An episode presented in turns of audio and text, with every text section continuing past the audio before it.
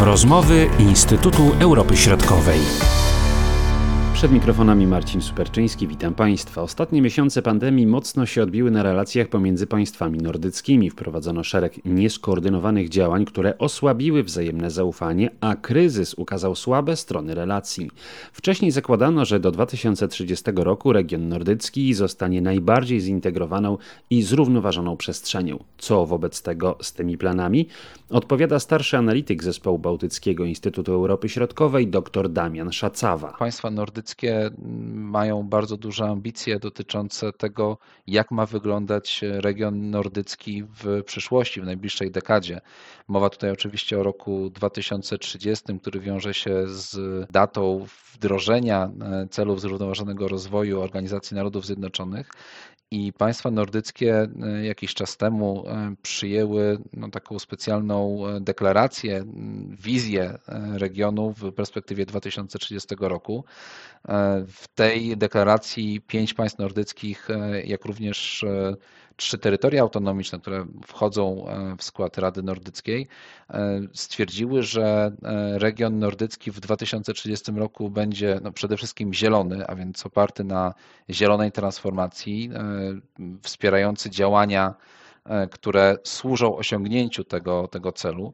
Po drugie, region ten ma być konkurencyjny, a więc e, takim, w takim konkurencyjnym regionie podstawą wzrostu e, będą e, działania innowacyjne, będzie integracja cyfrowa, będzie mobilność. No i wreszcie, co, co jest charakterystyczne też dla tego obszaru, będzie to region społecznie zrównoważony, czyli jednocześnie inkluzyjny i zintegrowany dzięki, dzięki wspólnym wartościom.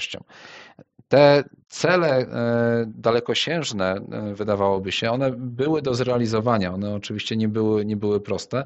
Natomiast e, w 2020 roku przyszła pandemia, która, no nie, chcę, nie chcę powiedzieć, że wywróciła wszystko do gór nogami, ale bardzo wiele rzeczy utrudniła, jeśli chodzi o państwa nordyckie, zwłaszcza jeśli chodzi o to takie, takie poczucie współpracy regionalnej i, i pewne rozumienie się poza, poza tymi oficjalnymi e, kanałami. No tak, trzeba było wprowadzić szereg takich działań, powiedzmy, separacyjnych, prawda? Też widzieliśmy na poziomie na nas wszystkich pewnie. Natomiast na poziomie państwowym zdecydowanie tak, że to było e, widoczne i jak tutaj to osłabienie, e, w których może obszarach jest najbardziej dotkliwe? Zdecydowanie te, te bariery, które my widzieliśmy również w Europie Środkowej, które były, nie były jakoś tam bardzo charakterystyczne, czyli kwestie dotyczące zamykania granic, wprowadzenia różnego rodzaju restrykcji, ograniczeń związanych z przekraczaniem granic no, bardzo dotkliwie dotknęły mm, społeczeństwa państw nordyckich. No, trzeba pamiętać o tym, że e, tereny przygraniczne, czy też, e, czyli teren pomiędzy przy granicy Danii i Szwecji, czy też e, Norwegii i Szwecji, e, to są, to są, to są obszary, w których mieszka wiele pracowników tak zwanych transgranicznych, czyli takich, którzy codziennie dojeżdżają do pracy w sąsiednim państwie. Mamy wiele rodzin, które no, żyją po kilku, po obu stronach granicy, więc te wszystkie e, kwestie, które na początku zostały wprowadzone w sposób nieskoordynowany, e, w sposób no, tak naprawdę indywidualne działania poszczególnych państw, to tak naprawdę e, no, zmusiło ich do przeorganizowania swojej aktywności i w dalszym ciągu do tego zmusza, ponieważ jak widzimy, początek 2021 roku no nie jest wcale lepszy od tego, co miało miejsce w 2020 roku. Tutaj, jeśli chodzi o te gremia, które są takimi miejscami y, budowania strategii, wymiany doświadczeń, to są dwa gremia, w ramach których te państwa nordyckie współpracują. Może powiedzmy coś więcej na ten temat. Rada Nordycka i Nordycka Rada, Rada Ministrów e, to są te dwie najważniejsze organizacje współpracy w regionie nordyckim, które obejmują swoim zasięgiem e, pięć państw nordyckich, a więc te cztery, z którymi my najczęściej tutaj się kontaktujemy w regionie Morza Bałtyckiego, plus oczywiście Islandia, ale także trzy terytoria autonomiczne, czyli Grenlandię, Wyspy Owcze i Wyspy Alandzkie. Mm, to są e, struktury, które e, mają już wiele lat współpracy. E, Rada Nordycka jest organizacją o charakterze międzyparlamentarnym, natomiast Nordycka Rada Ministrów jest organizacją taką typową, typowo międzyrządową. Może początkowo to były organizacje, które powstały w wyniku dążeń, czy też w wyniku tak jakby odpowiedzenia na oddolne inicjatywy ze strony społeczeństw państw nordyckich, a więc one e, widziały, blisko ze sobą współpracowały, mają wspólną historię, bardzo podobne języki. Oficjalna współpraca międzyrządowa była niejako odpowiedzią na to, na, na to zapotrzebowanie. Pojawiła się Nordycka Unia Paszportowa, e, umożliwiająca przekraczanie granicy bez, bez, bez zbędnych formalności. Coś, co w tamtym czasie w Europie było, e, było nie do pomyślenia jeszcze. W tym momencie te dwie organizacje funkcjonują już jako takie rozbudowane struktury, które które koordynują tak naprawdę działalność wielu, e, wielu innych, kilkudziesięciu innych organizacji, powiedziałbym bardziej branżowych, regionalnych, e, które mają e, no, bardziej konkretny wymiar tej współpracy. Tutaj bardzo często mówimy i pokazujemy jako wzór y, y, właśnie państwa nordyckie, jako te podmioty, które bardzo dobrze ze sobą współpracują, wyznaczają pewne kierunki i standardy.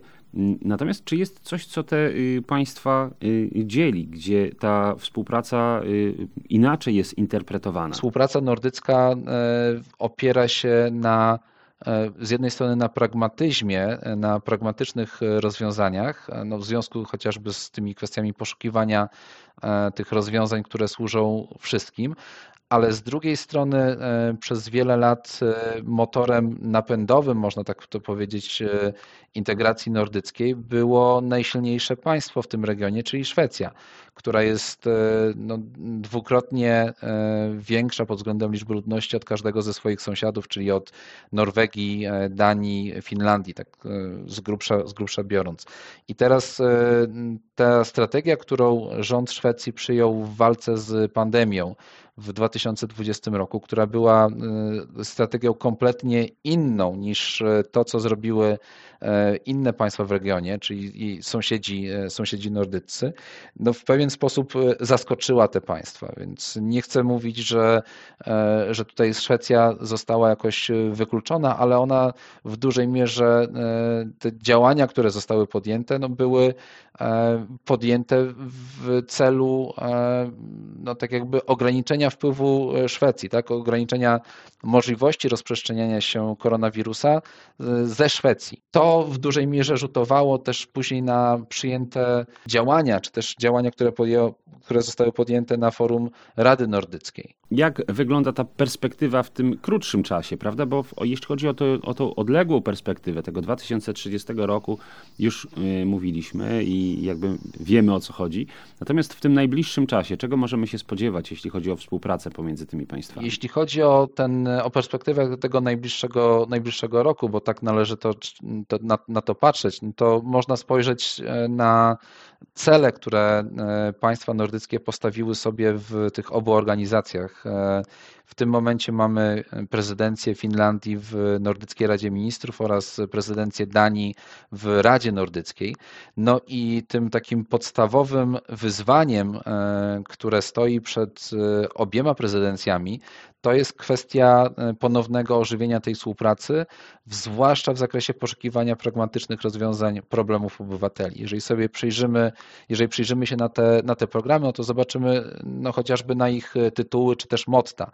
E, I Finlandia oczywiście podtrzymuje wspólne cele zaplanowane na ten 2030 rok, ale za hasło prezydencji przyjęła motto Nordycy razem.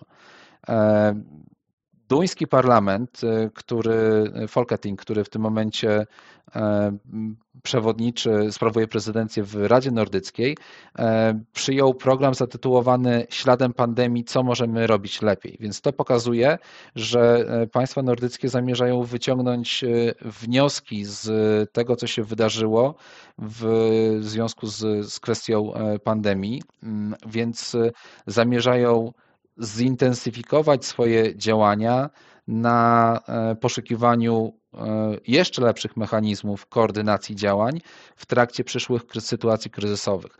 Z drugiej strony nie zapominają wcale o mm, tych długookresowych wyzwaniach, przed którymi stoimy, wyzwaniach związanych z transformacją klimatyczną, więc te wszystkie cele, które tutaj widzimy, czyli ta budowa regionu bardziej ekologicznego jest oczywiście najbardziej, najbardziej widoczna. To też widać chociażby w przepływie środków finansowych, które są przesuwane e, na ten, e, na ten priorytet zielonego regionu z powiedzmy z obszaru e, współpracy społecznej, czy też współpracy, integracji społecznej pomiędzy poszczególnymi społecznościami. A jak należy interpretować te informacje o kryzysie współpracy państw nordyckich? Te pogłoski o kryzysie współpracy nordyckiej były trochę przedwczesne, e, natomiast e, no one zwracały uwagę na to, że mm, współpraca w ramach Rady Nordyckiej czy w ramach Nordyckiej Rady Ministrów nie do końca odzwierciedla te problemy, z którymi borykają się zwykli ludzie, czyli